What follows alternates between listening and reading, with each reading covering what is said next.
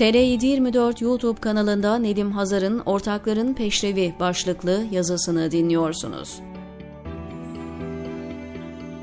Önce şu listeye bir göz atalım. 175 tabanca, 80 binden fazla tabanca mermisi, 22 uzun namlulu silah, 46 binden fazla uzun namlulu silah mermisi, 44 tüfek, 252 eğitim fişeği, 424 el bombası, saatli, boru tipi ve cam şişe olmak üzere 3 bomba, 53 dinamit lokumu, 14'ü boş, 43'ü dolu, 27 lav silahı, 6000'den fazla elektrikli kapsül, 34 uçak savar mermisi, 11 havan, 84 top mermisi, 6 gaz bombası, 3 kilo patlayıcı madde, 3000 ateşleme fitili, 4 gaz maskesi, 7 bubi tuzağı, 28 sis bombası, 2 roket atar, 4 roket atar başlığı, 43 metre infilaklı fitil, 2 metre saniyeli fitil ve daha buraya yazamadığım birçok mühimmat.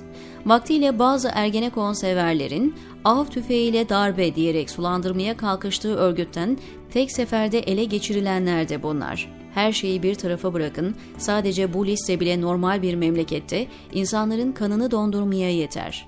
Ama bizde nasıl oluyor biliyor musunuz? Genelkurmay Başkanı basının önünde lav silahını alıp ele geçirilen malzemeyi önemsizleştirerek boru bu yahu içerikli basın toplantısı yaptı.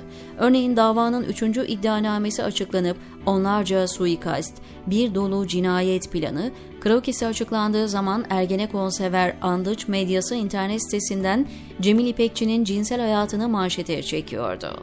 Bakış açıları buydu kumpas davalar diyerek siyasal İslamcılarla bir olup bu milletin yetiştirdiği binlerce hukukçuyu, emniyet mensubunu zindana attılar. Biri işlediği cinayetlerin, diğeri yaptığı hırsızlıkların üstünü örtmek için. Şimdi ise bir yol ayrımında iktidarın gizli ve açık ortağı. Bu sebeple bir kesim el altından yapılan korkunç talanı ortalığa dökerken diğeri de işlenilen cinayetlerin üzerine gideceğini ima ediyor.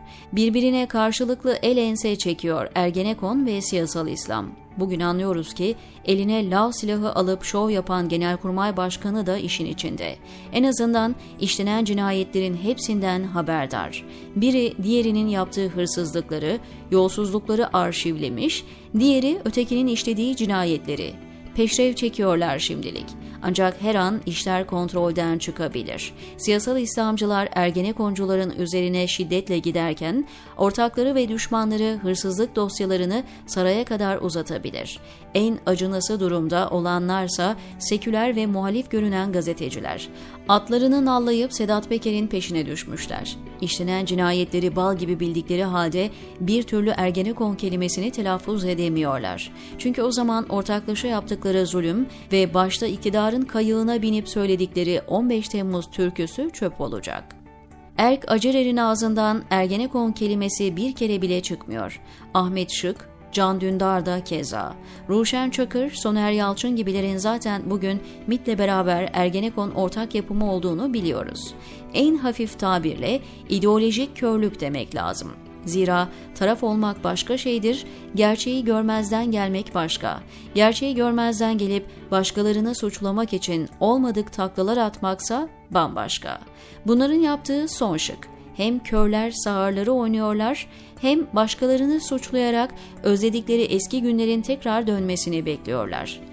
Elbette yanılıyorlar ve er geç hayal kırıklığı yaşayacaklar. Çünkü hakkın hatırı alidir.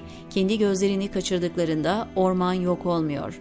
Tüm ürkütücülüğü ve gerçekçiliğiyle bu milletin karşısında çıplak bir şekilde duruyor. Milletin fark edebilmesi için sanırım canlarımızın biraz daha yanması ve ateşin biraz da onlara da değmesi lazım. Sonrası mı? Bir takım tahminlerim var ama şimdiden gözünüzü korkutmak istemiyorum diyor Nedim Hazar TR724'deki köşesinde.